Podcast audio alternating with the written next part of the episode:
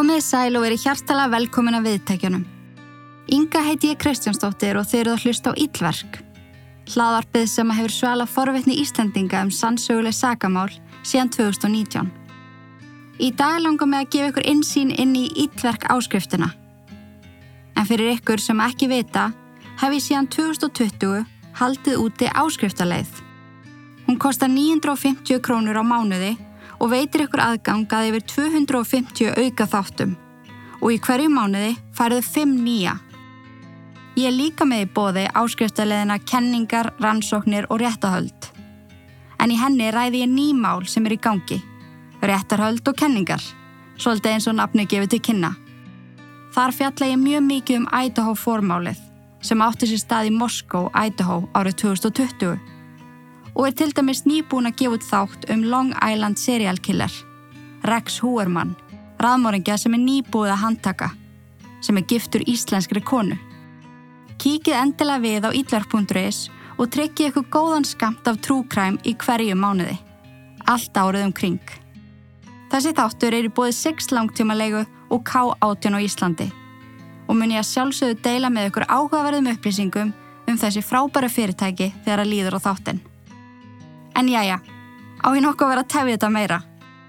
Skegnu staðins bak við tjöldin og hlustum á einna mínum eftirminnilegustu þáttum úr ítverk áskriftinni. The Summerfield Murders. Gjöru þið svo vel.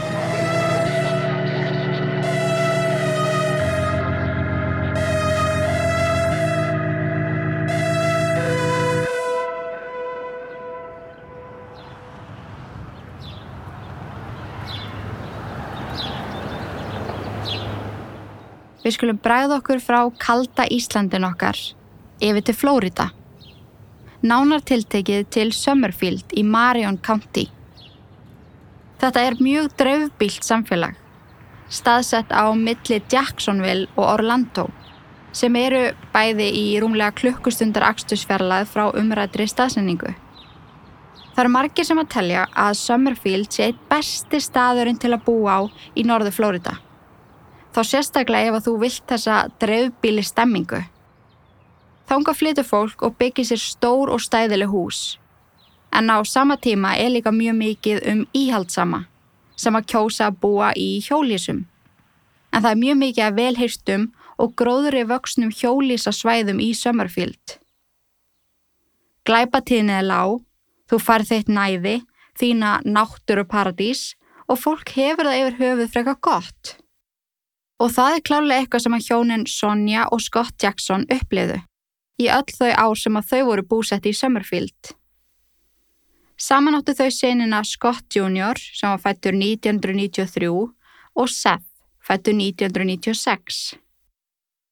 Þann 18. apríl árið 2011 umturnaðist þó rólindist líf þeirra. Dagurinn hófst sem óskupvennilegu mánudagur, eða kannski ekki alveg. Seth var ekki heima um morgunin og hann svaraði ekki símanum. Ef að það hefði komið fyrir ári áður þá hefði þetta talist mjög óvanalegt og fóreldra hans hefðu orðið mjög ágifullir. En núna þá átti Seth kærustu og þá var mjög algengt að hann gisti á henni. Vanalega leta hann samt að vita af sér en það kom alveg fyrir að hann gerði það ekki, eins og í þessu tilfelli. Seth var ekki heima og foreldra hans þau Sonja og Scott var í vinnuna og yngri bróður hans í skólan. Þegar þau koma svo öll heim klukkan 5 þá fóru hlutinir að vera mjög óvanalegir því að ennþá hafði Seth ekki skila sér heim, ekki svara neinum skilabóðum nýja hring tilbaka og það er eitthvað sem hann myndi aldrei gera og hafði aldrei gerst. Scott ringir í sína vini sem að eiga eldri sískinni því að mikið af þeim voru vinir Seth með honum bæði í skóla og íþróttum. En enginn kannast við að hafa séðan. Skott og Sonja ringja líka símtöl, svo sem í móður kærustu seth. Og í símtalenu við hana komu fram upplýsingar sem að komu þeim verulega óvart og fenguðu til að hugsa að nú væri eitthvað að. Móðurinn sem að heitir Tracy Wright að í fyrsta lagi þá hafa hún ekki séð Seth í mjög langan tíma og í öðru lagi þá séu hann og dóttir hann að lungu hætt saman Plús það þá séu samskiptið þeirra búin að vera hreitn viðbjóður og Seth sé búin að haga sér eins og algjört fíbl við hana.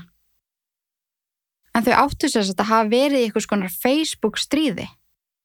Fóreldra Seth áttu ekki Facebook svo að þau hafði ekki neinu en það átti fljóðlega eftir að koma í ljós að þetta Facebook stríð eða svo má kalla átti sér vissulega stað og stóði yfir í langt tímabill að milli Seth og kærustu hans eða fyrirvændi kærustu hans. Þar sem á þau tvö og fleiri letu virkilega ljót orð falla um hvort annað.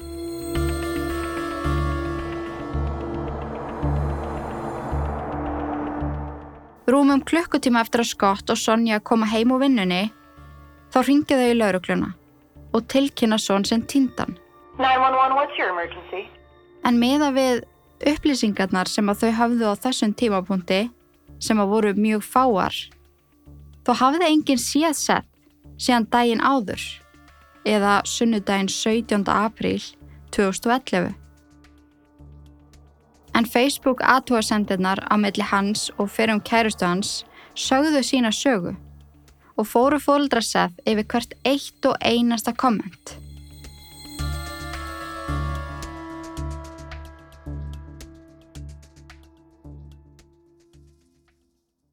Stríðið verðist byrja þann 3. apríl árið 2011 og þetta eru komment tekin af Facebook síðu Amber Wright, nú fyrirhandi kærastu Seth.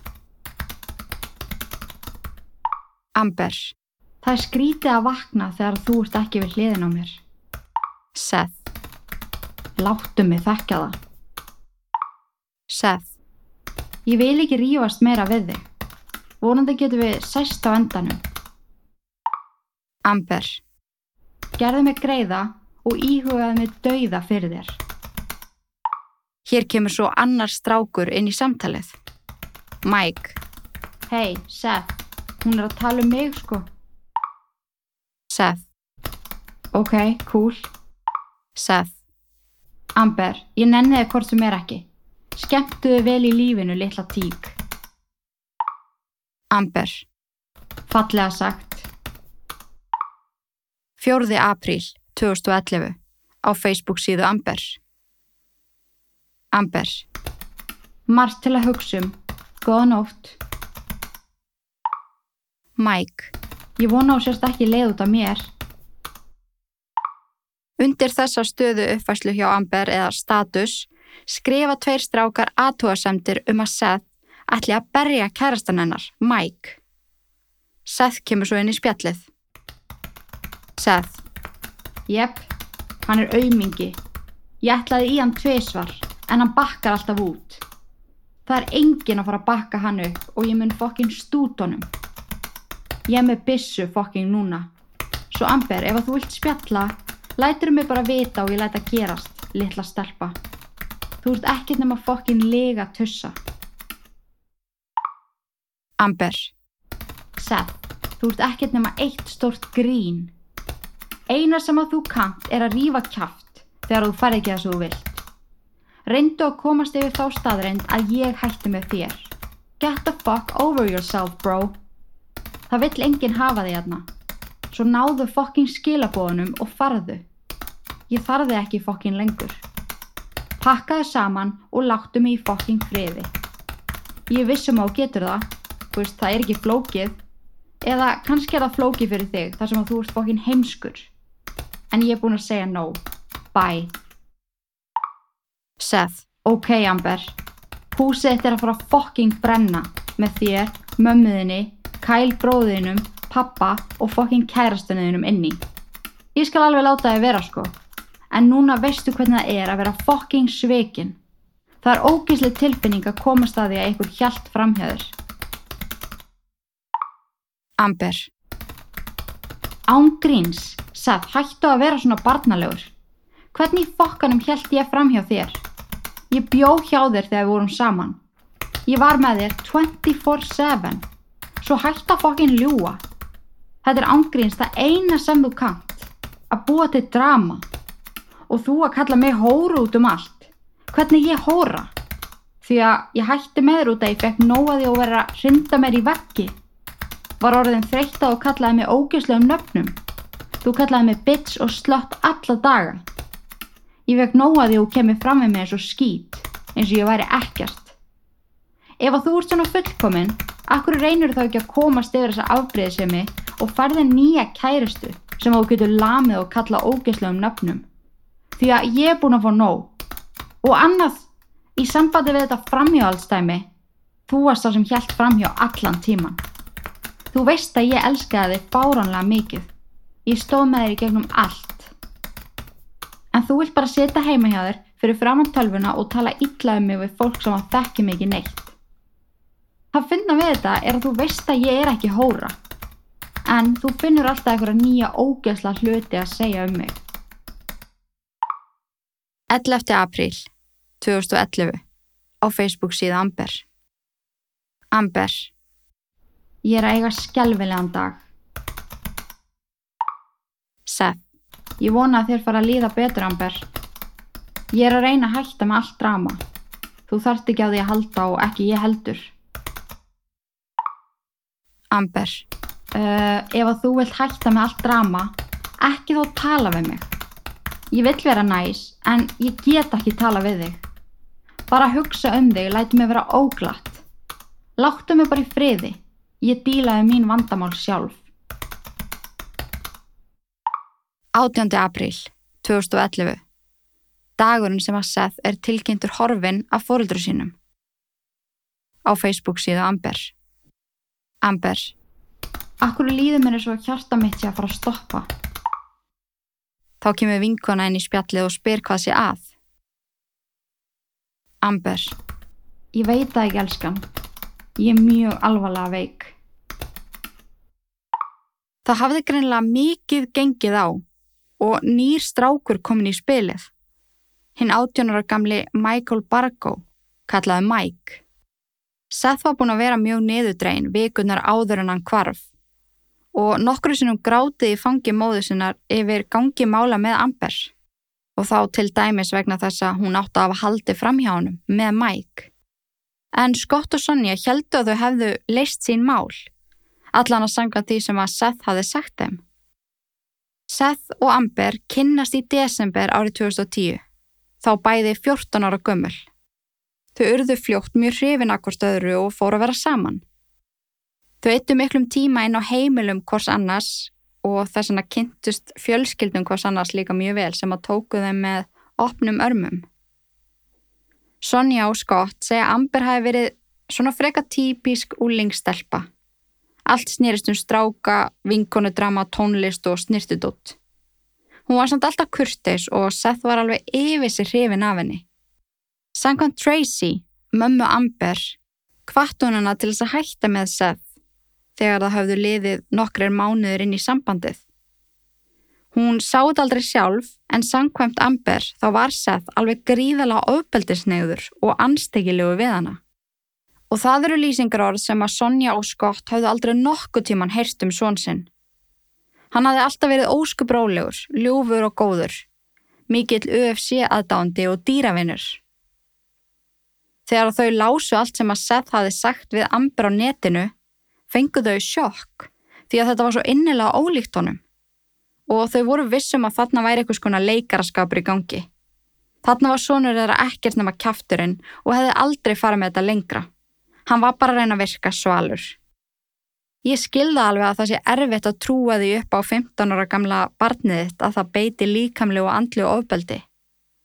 En sama hvort þau trúi því eða ekki, má vel vera þetta sé satt, þótt að sé ekki til neinar sannanir fyrir því. En það sem hann sagði við Amber á netinu, það er til og verður alltaf til.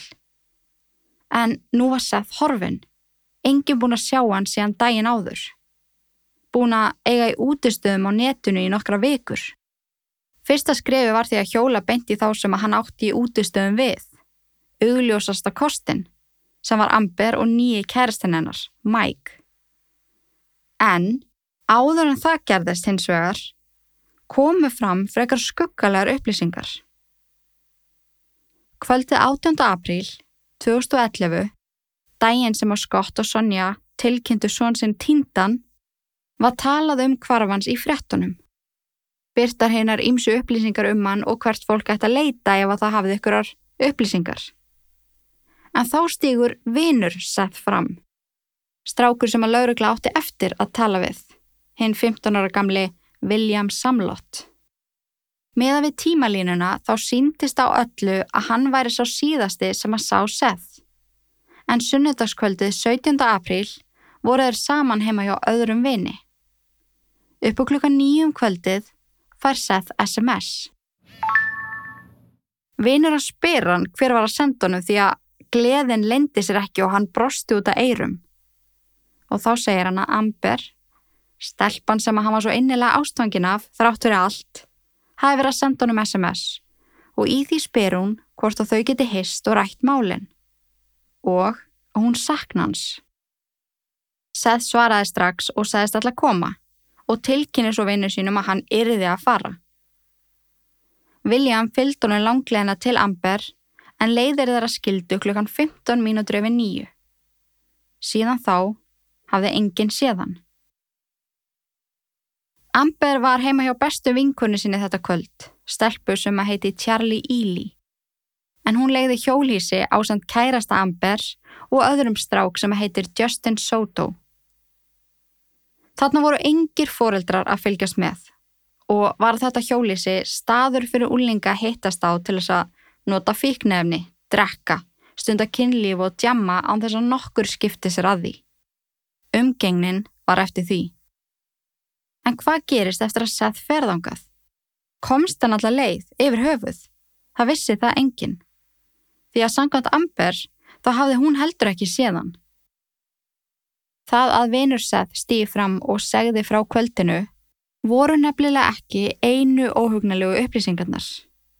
Það var meira, miklu hræðilegra. Kyle Hooper, hálfbróðir Amber, hann bjóði við meiri upplýsingum sem að hann hafi reynd að halda lindum. En daginn eftir að Seth var tilkynntu tindur og eftir að hafa hlustað ítrekkað á frettir í sjónvarpinu, sagði hann svolítið við mömmu sína. Kyle segir, hann er ekkert tindur. Ég horfið á hann degja. Hún var mæntala bara, ha, beitu hvað ert að segja? Kyle segir mömmu sinni heldur óljósa sögu um hvað átti sér stað þetta kvöld. Að Michael, kærasti Amber, hafi fengið Noah Seth sem að hafi komið heim til Charlie Ely bara til að slást. Og Michael, hann endaði á að drepa hann. Mamma Kyle ringi strax á laurugluna sem að kemur mjög fljótlega til að ræða við Kyle og annað lið laurugluþjóna fer að hjólísi Charlie Ely. Þar taka á mótið þeim ítla útlítandi úlingar og yfir þyrmandi klórlikt. Charlie, Amber, Kyle og Justin voru færð til yfirheyslu og þurftu öll að aðfenda símana sín á stundinni. Michael fannst hins vega hverki, en hann hafði flúið frá Summerfield og var í felum hjá vini sínum. Yfirherslur yfir þessum krökkum eiga sér stað þriðju daginn 19. apríl árið 2011 sem er nota beni átjónara ammælistæður minn. Þá ekkert að gerast eitthvað svona á ammælistæðinu mínum. Þú veist, mér finnst það allavega hana. En þarna kikkar áhuga minn á yfirherslum svo mikið inn. Þetta er með þeim áhugaverðari sem að ég hef hlustað á, ever. Því það er svo styrlað að um sig að ræða 15 ára krakka. Og líka því að það er svo stór munur á því hvernig þau haga sér. Kyle og Charlie þau brotna saman, gráta og segja sannleikan. Amber, hún lætir eins og hún nennir sig ekki. Svo lítið eins og lauruglan sé að trubla daginn hennar. Og þótt hún sé bara 15 ára gömul, er hvert orð sem hún segir svo útpælt. Kyle var fyrstur í yfirherslu og líka sá fyrsti til að segja sannleikan. My Rhonda. And you must be Kyle. Yes, ma'am. Tell me the story that you told your mom and start from the beginning, okay? Okay. Seth wanted to talk to my sister when they come in the house, and, and I don't like the kid completely because he has put his hands on my sister. Okay, and I hit him over the head with the stick. and I Who'd you hit? Seth. Okay. And he was in the chair, and I got in the kitchen. I said, "Now get the fuck out the house." And then all of a sudden, I hear, "Bam, bam, bam!" Mike sitting there laying bullets into him. So you saw Mike Bargo shoot Seth? Yes, ma'am. Með sannleikanum frá Kyle og með símagögg krakkana sem að var verið að rannsæka í mjög mikilli flýti meðferð var ákveða næstir þið rætt við Amber því að hún vildi meina að hún hafi ekki eins og séð Seth þennan dag. Do you want to have mom in here while you talk to me about it? That's okay with you? Okay.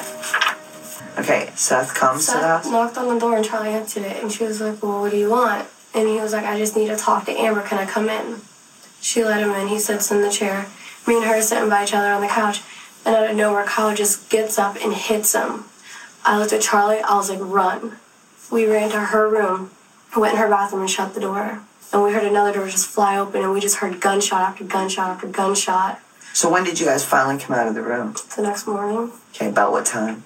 we didn't wake up till maybe 11, 12 o'clock. Was anything different? Oh, it, sm- it just smelled like pure bleach in the house. That's it. Okay. Like they tried to clean something up.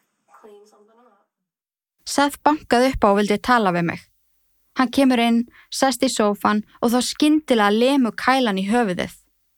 Ég og Charlie hlaupum þá strax inn í herbyggi og lokum á eftir okkur. Svo heyrum við byssukvelli.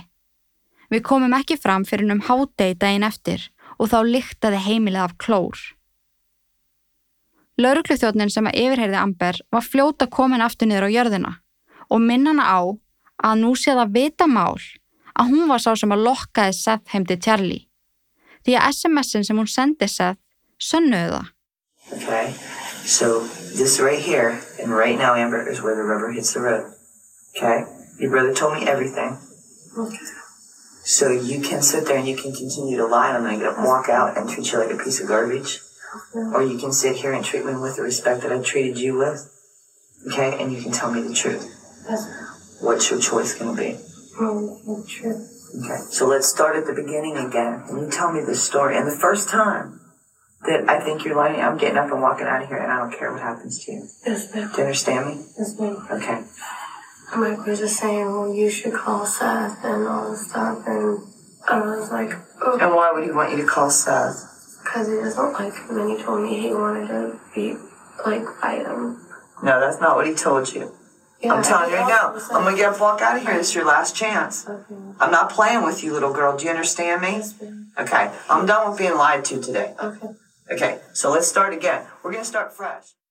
Where's Seth's body now? They wouldn't let me see it. They told me, Mike told me that me and Kyle that he was going to take it to the quarry. Ég hlustaði á viðtal við Rondu, laurugluþjónin sem að yfirheyrði Amber. En sangkvæmt henni er hún einn slungnasta manneskja sem að hún hefði nokkuð tíma komist í tæri við. En á sama tíma þá skein það í gegn að hún var bara óþroskað barn. Og það eina sem að virkaði var að koma upp um legarinnar og segast ekki hafa tíma í þetta bull. Bara setja henni mörg. Bara ef að þú lígur að mér þá nenni ég þess ekki og þá er mér nákvæmlega sama hvað kemur fyrir þig. Þá fyrst fór Amber að tala og hún saði sögu, aðeins nær sannleikanum. En stóð samt först á því að Michael og Kyle hafi gert þetta. Hún var bara þarna. Hún lokkaði Seth til þeirra með SMS-i því hún óttaðist að ef hún gerði það ekki þá myndi Michael drepa hana líka. Charlie, Kyle og Amber voru síðan sett öll saman inn í yfirhersluherbyggi þar sem að upptaka var í gangi. Og enn og aftur Það er ótrúlegt að sjá og heyra munin á þeim og hversu augljóst það er að Amber setur upp leikrit. Auðmingja við, það munu allir hata okkur út af morði sem að við frömdum ekki. Ég sem þól ekki morðingja, en nú er ég flokku sem einn af þeim. Enn og aftur er Michael búin að koma okkur í klandur. I had to. They knew we were lying. You mean people are gonna fucking hate us for this? People that don't even know us are gonna be looking for us if we get out of this. Why? There's a fucking 15 year old kid murdered because of us. Do you honestly think people want to be around that? Do you think people think there's those kind of people are supposed to be here? Yeah, but it's not our fault. Hell, I don't even like them fucking kind of people, and I'm one of them now.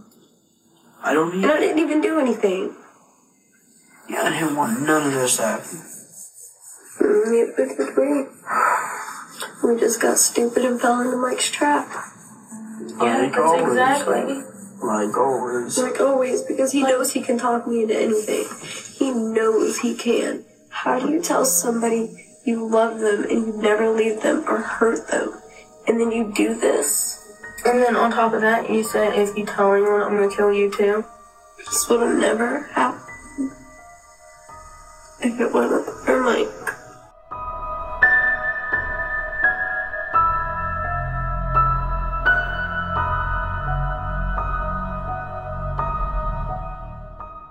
Detectives tell West 2 News they believe they know where the murder weapon has been hidden, but right now they are not telling us whether it has Right now, been local found. detectives are piecing together the final brutal moments of Seth Jackson's life. The local teen was beaten, shot, mutilated, burned into ashes, and his remains sunk to the bottom of a local quarry.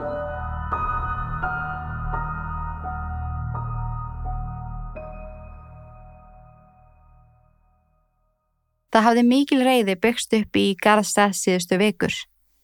En hann hafði stanslöst niðurst á Amber á Facebook og ítrekka hótað að berja Michael, nýja kærastan hennar. Seth var reyður með brostið eko. Kærastan hans hjælt fram hjá honum með öðrum strák og svo var það hún sem hætti með honum ofan allt saman.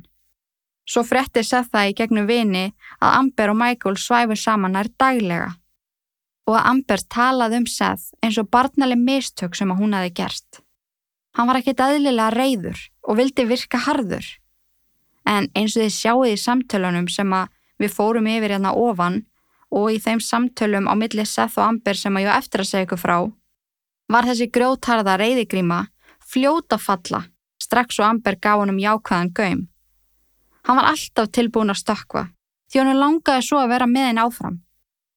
En ég vil líka taka fram að bæði Amber og Michael þverð taka fyrir að hafa nokkuð tíma verið saman. Amber fer hægt og rólega að viðurkenna að þau sváfu nokkur sinnum saman en hún hafi bara gert það til þess að særa Seth því að hann særði hana. En Michael, hann heldur því ennþá fram til dagsins í dag að þau hafi aldrei sofið saman og aldrei verið par eða neitt svoleiðis. Hann hafi átt aðra kærustu á þessum tíma sem var heiðus nefnandi í skóla og miklu betri en Amber. Mjög mikilvægt að hann kemi því fram. Þetta vildu þau meina. Þrátt fyrir að vera með upphafstafi hvors annars, flúraða á sig. Michael í vinstri nára og Amber á lífbenninu. Ég kynni mér stolti glænýjan styrstraðala Ídlark podcast. K18 á Íslandi. K18 eru byltingakendar hárvörur sem að virkilega breyta leiknum þegar kemur að hár umhyrðu. En ég hef lengi vel verið ótrúlega þver með mínar hárvörur og get endilega degja yfir því að prófa K18. En eftir ég fór að eiga við langt yfir meðalagi óeðlilegt hárlós þá var ég nokkuð tóðin tilbúin að gera hvað sem er til þess að laga ástandið. Nei sko, ég var orðin alveg frekar hrætt því að ég virkilega reif úr mér virkilega mikið af hári í hverju sturtuferð og sturtubotnin var alltaf stíplaður. Sumulegis var hárið þurst, hársverðurinn perraður og ég ángríns komst alltaf af hálfan dag án þess að upplifa hárið mitt greasy. Ég vill helst ekki þrýfa hárið daglega en á þessu tímabili þurfti ég svo innilega að gera það. Ég ákvaða að prófa K18 og hefur að nota núna í tvo mánuði.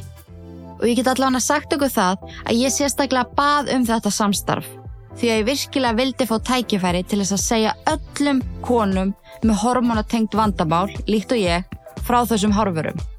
Það er í alvörinu lækna hárið eitt með tímanum. Ég fór alla leið og fekk mér sjampó sem að má nota daglega, svo sérstaklega detox sjampó sem að þú notar einu sinni í viku sem að fjarlægir vöru uppsöfnun og önnur óhreinindi og í rauninni núlstillir hárið. Ég kefti hárnæringamaskan sem að þú setur í rækthárið og ólíuna. Ég mæli klárlega með þessu öllu því að þetta hefur bókstæla læknað það sem ég var að eiga við. Plús það þá gerir þetta hári mjúkt, viðráðanlegt og það fyrir að vaksa aftur. En það sem þetta eru dýrar vörur og alls ekki allir sem að meika henda sér út í búð og vestla sér alla vörulínuna þá mæli ég sérstaklega með því að byrja allavega á Peptide Prep pH Maintenance Shampoo og Leave-In Molecular Repair Hair Mask. Þetta er frábær byrjun og þessar vörur vinna saman. Þær byggja upp hárið og eftir nokkra daga nótkun ferðu að sjá og finna virkilega mikinn mun. Ég er svo ána með það að K18 sé komið í Ídlark fjölskylduna. Því að mist fátt skemmtilegra en að kynna ykkur fyrir góðu stöfi. En ég get lofað ykkur því að þetta eru horfurur sem munu láta ykkur langa að henda og aldrei nota neitt annað framar. Það er pínu þannig. Því þarna er ekki verið að einblíma á lyktina, umbúða fegurð eða fjölda framleiðsla á vörum. Heldur við virkilega hort í vísendin og blandan gömgæfilega sett saman fyrir hárið. Ég hlakka til að halda áfram að fræða ykkur og enn og aftur hveti ykkur til þess að fara inn á reykjavíkverhás.is og skoða vörurnar. Lesa um þær og mögulega hendi í pöntun ef að ykkur líst vel á og ef að þið getið það. Hárvörurnar sem að læknuðu hormónavesinnis hárið mitt. Nýr styrstaraðili Ítlar podcast.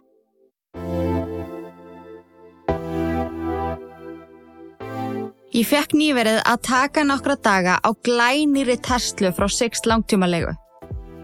En núna eru að tínast inn hjá þeim alls konar típur af Teslum. Svo sem Model 3 Long Range og Model Upsilon Long Range. Í fyrsta lægi, váka þetta er ekkert eðlilega skemmtilegu bíl.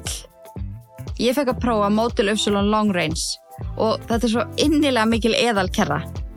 Mér fannst ég freka mikil gælla alls konar skemmtilegur aukabúnaður, raflaðan endist endalust og það sem er uppáaldið mitt við bílinn, appið.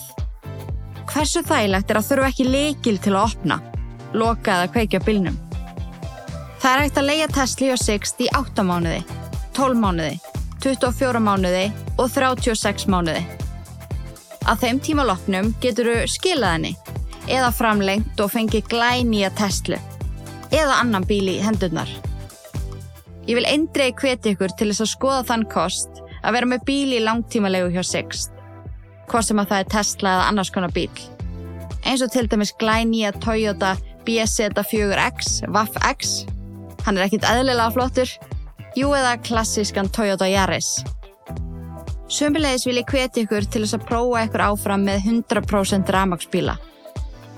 Það hljómar smá skeri í fyrstu að þurfa virkilega muni eftir því að hlaða á þess áttar. En vá, sapnast þegar að saman kemur. Á mínu heimili fóru greiðslur niður í lítið sem ekkert og rúmlega 60.000 á mánuði eftir að við skiptum yfir í 100% ramagn. Það marg borgar sig og ég get lofað eitthvað því að sextum er rétta ramagspílinn fyrir þig á ótrúlega hagstæðum kjörum. Engin aukagjöld, engin útborgun, ekkert vesen. Six langtímalega. Okkar allra besta bílalega síðan 1912. Takk og bless. Það sem endalega fylgti mælinn hjá krökkunum þegar að koma hatrið þeirra til Seth var þegar að Kyle komst að því að Seth var að sofa hjá stelpu sem að hann var hrifin af.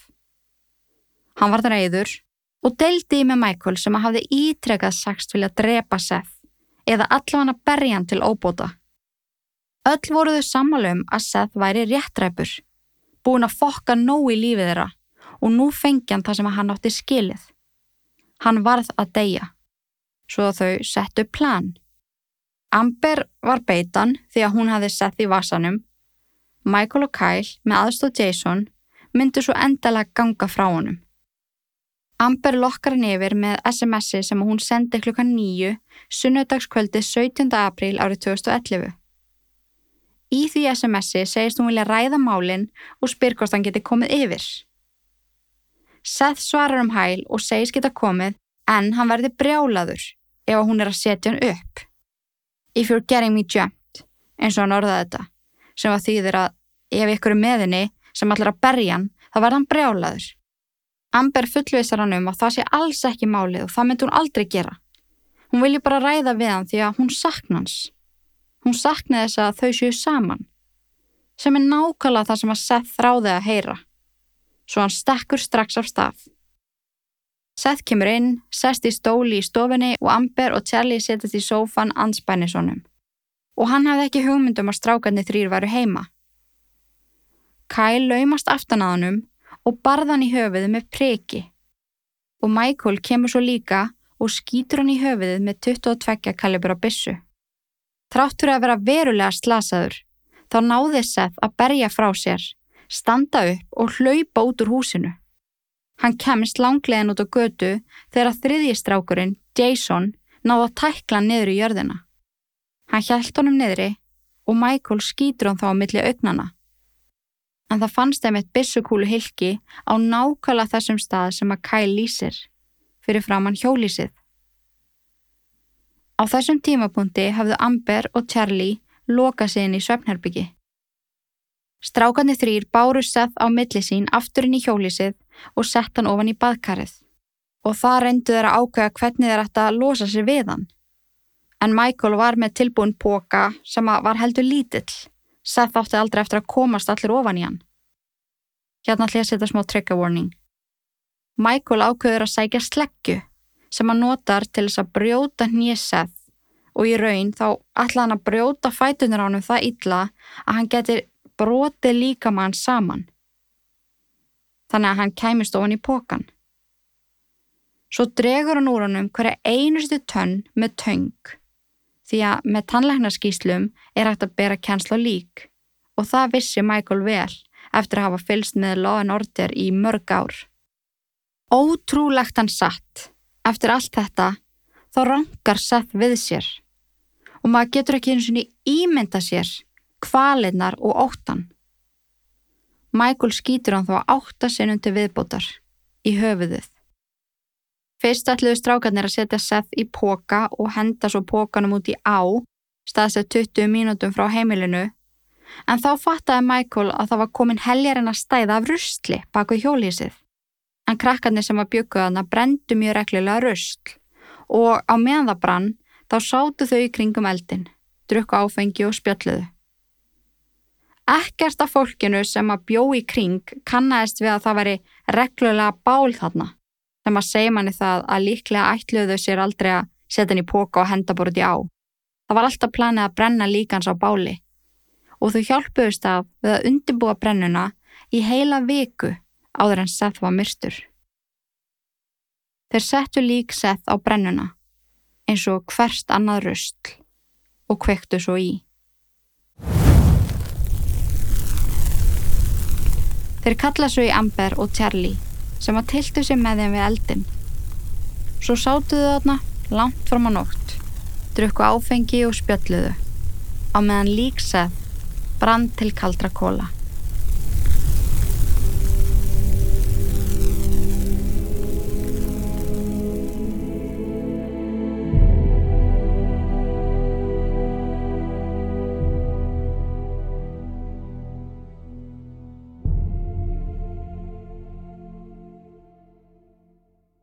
Dæin eftir eða þann 18. apríl 2011, sem að er einni dagurinn sem að fóreldra sett tilkynntu hann tindan, þá vöknuðu þeir Kyle, Justin og Michael um klukka nýju. Heldur snemma þeirra mati, en þeir hafðu verk að vinna. Þeir fara þá út í bakarð og sópuðu brendum líkamsleifum Seth Jackson ofan í tómar málingatönnur, sem að þeir síðan þingdu með múrsteinum. Þeir fara svo með tunnunar að á í ókala sem er rétt fyrir utan Summerfield. Og hlusti á þetta. Stjúpappi Amber og pappi Kyle, hann skuttlaði strákunum að Anni með tunnunnar. Hann sagðist ekki að hafa hugmyndum hvað væri í tunnunum. Hann held að þetta væri bara eitthvað drastl. En mér þykir þetta eitthvað mjög sérstakt og ég á eitthvað svo erfitt með að trúa því að hann hafi ekki vita neitt. Spáði í því að strákarnir settu bara tunnur fullar af líkamsleifum inn í bílina og hann bara eitthvað skuttlaði þeim, mista mjög skrítið.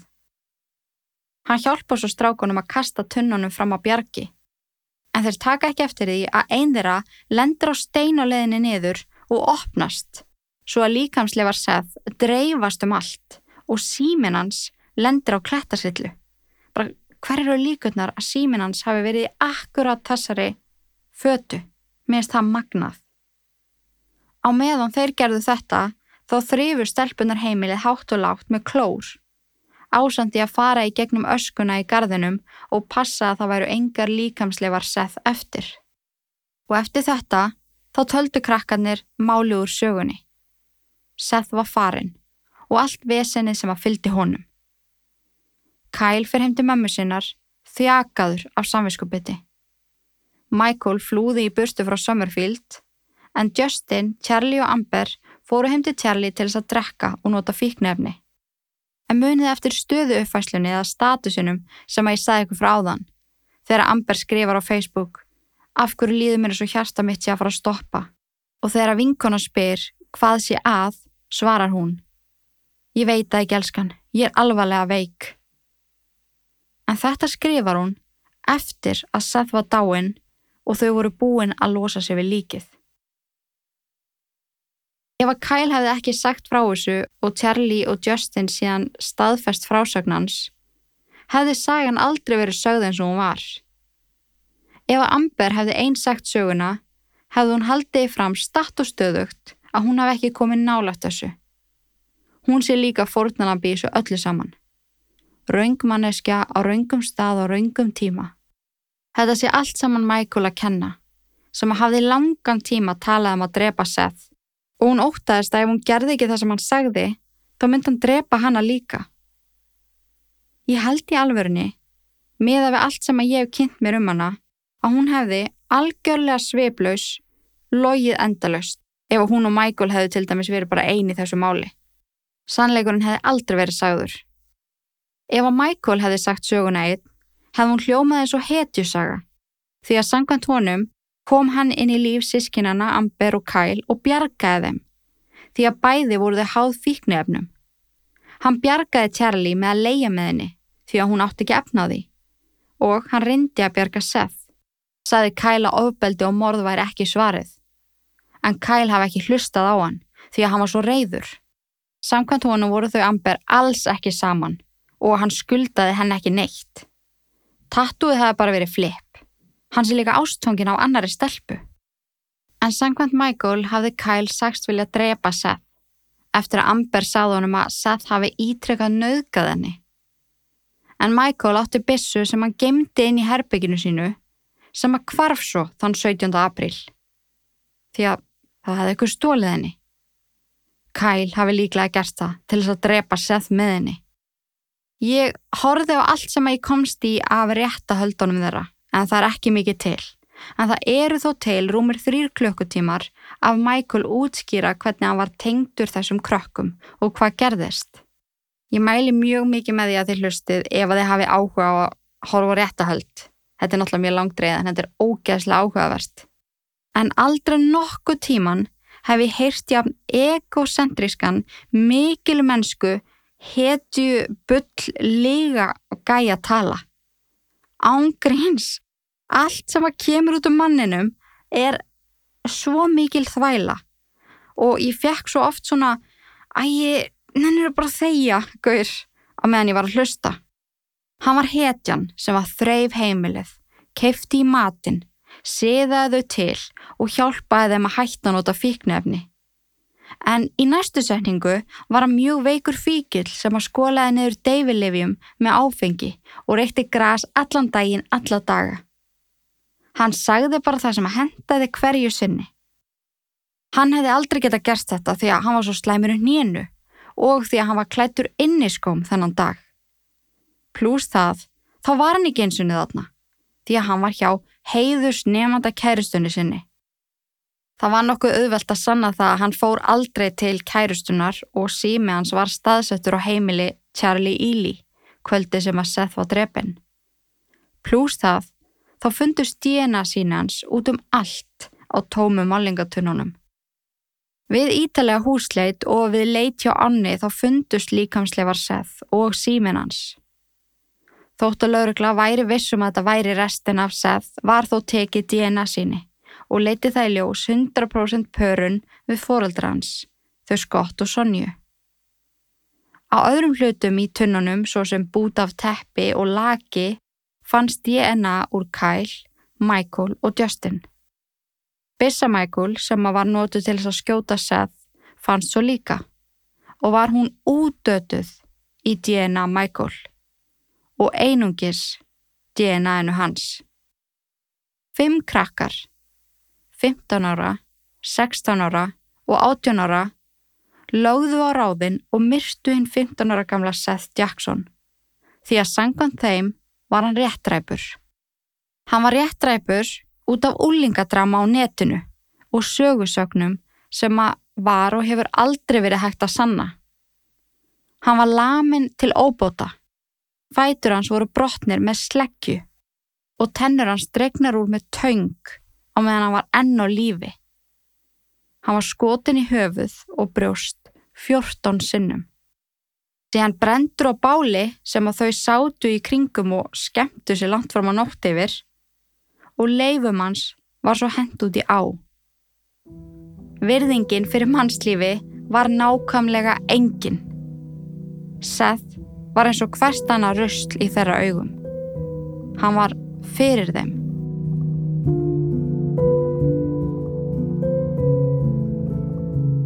Þrátt fyrir að vera handtekinn og ákjær fyrir morð af fyrstu gráðu, áttuðu krakkarnir sér ekki á alvarleika málsins, sem að sínir um hversu óþroskaða einstaklinga um ræðir.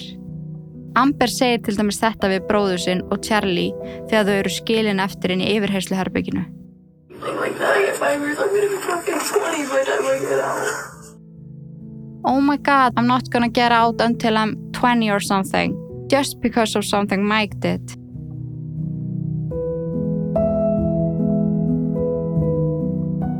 The young brother and sister accused of killing an Ocala teen have been indicted as adults. 15 year old Amber Wright and 16 year old Kyle Hooper are charged with the murder of Wright's ex boyfriend, 15 year old Seth Jackson.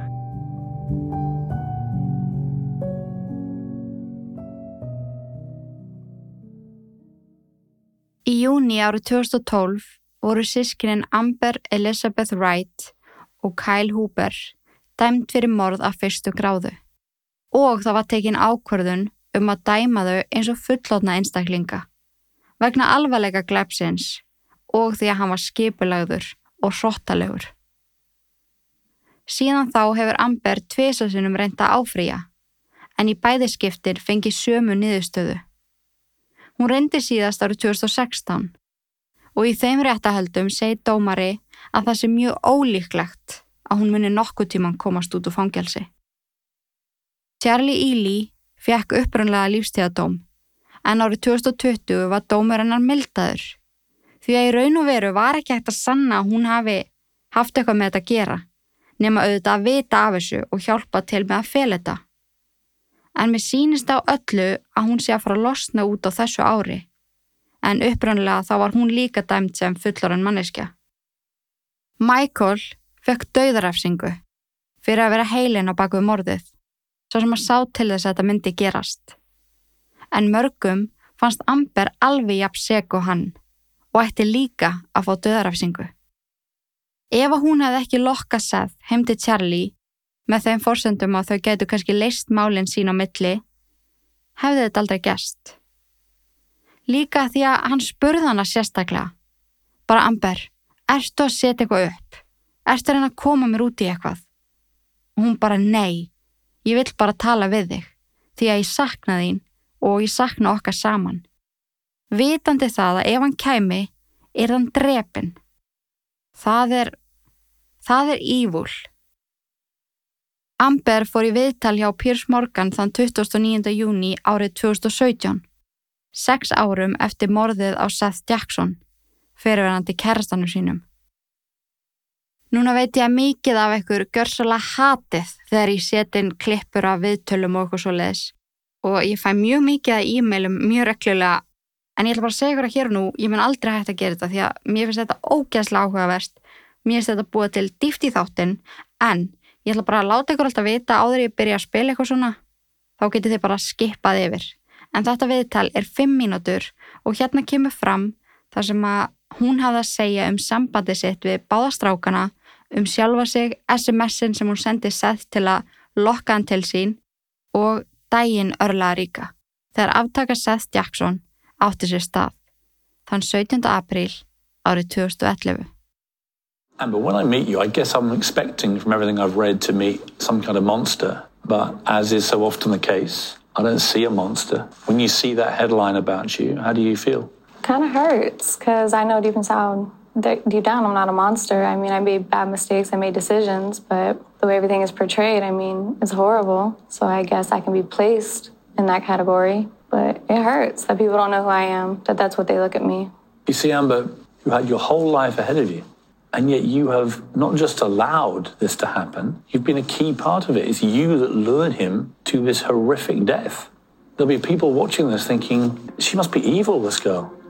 What happened, I've said it for many years, it doesn't define who I am. It was one thing I took a part of, and it was the worst thing that's ever happened in my life. But honestly, that one day, that one, one very serious, very traumatic, very horrific event is the person, changes the person I am. I no longer look at people with hatred and envy and unforgiveness. I don't do that anymore. I'm not evil. I'm not. You're 15 and you meet a guy called Seth. What was your first reaction when you met Seth? What kind of guy did you think he was? He was like, I guess at that time, I thought he was like, oh, he's so cool. Me and him got really close off rip. Like, obviously, there was the flirtatious between us, and we had that connection. Like, we were young. Everything was fun and games until we really started going hard with each other. And then he was in drugs, and I was doing drugs, and then both of us, our real characters, came out. And what kind of drugs were you doing? Um, we were smoking marijuana and dabbling in cocaine. Where is your mother in all this? Does she know you're doing this? She suspects I'm doing it, but of course I lie to her and try to reassure her. No, ma'am, I'm not.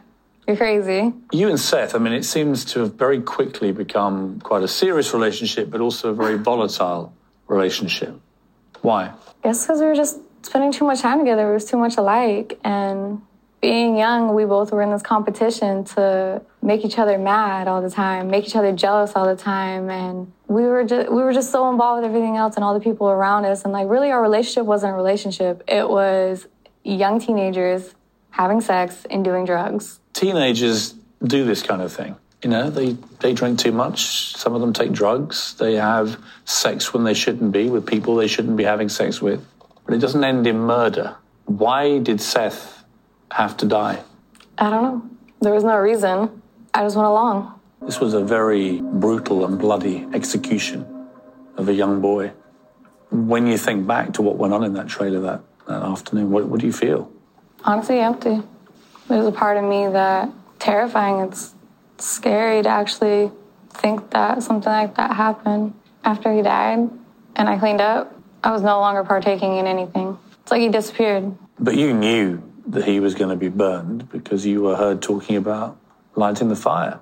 And you knew once he was burned, they were going to put his remains into these barrels, pots, take him off, and dispose of what was left. You knew that. Yes, I knew there was going to be a fire.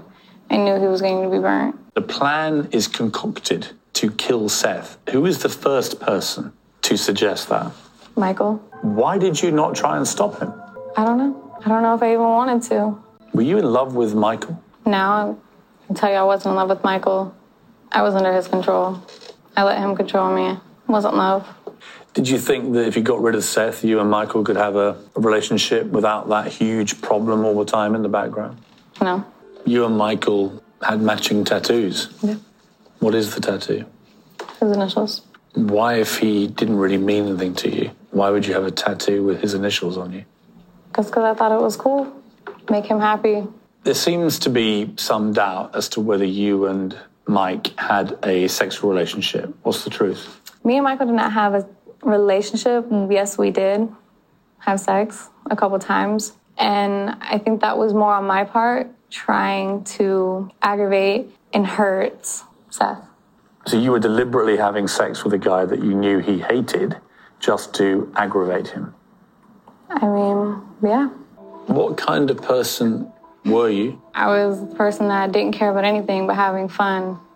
I was a selfish person. I was very manipulative, and I got what I wanted. So, Amber, I want to read you some of the messages that you exchanged with uh, Seth, text messages. You have now decided with the group that you personally are going to lure Seth over and he's going to get killed. And you say to him, I want you to come over. I want to talk to you. He replies to you, Amber, if you have me jumped, I will never give you the time of day. So if I get jumped, say goodbye, all right? You reply, I swear you're not Seth. I could never do that to you. I just want me and you back. Manipulated him? You didn't want him back, did you? That wasn't why you were calling him over. No. You wanted him to come over because you knew he was going to die. Yeah. I mean, this is monstrous behavior. It doesn't matter what age you are. You're a 15 year old girl, but you are deliberately luring this boy to his death. And it's, it's chilling to read. Yeah. Have you had any contact with Michael No. since? Would you like to? I've had thoughts about it, trying to write him a letter and reach out, but I don't think I could. I couldn't look at him. I couldn't talk to him Why? because for so long I blamed him. I don't think I could look at any of my co-defendants.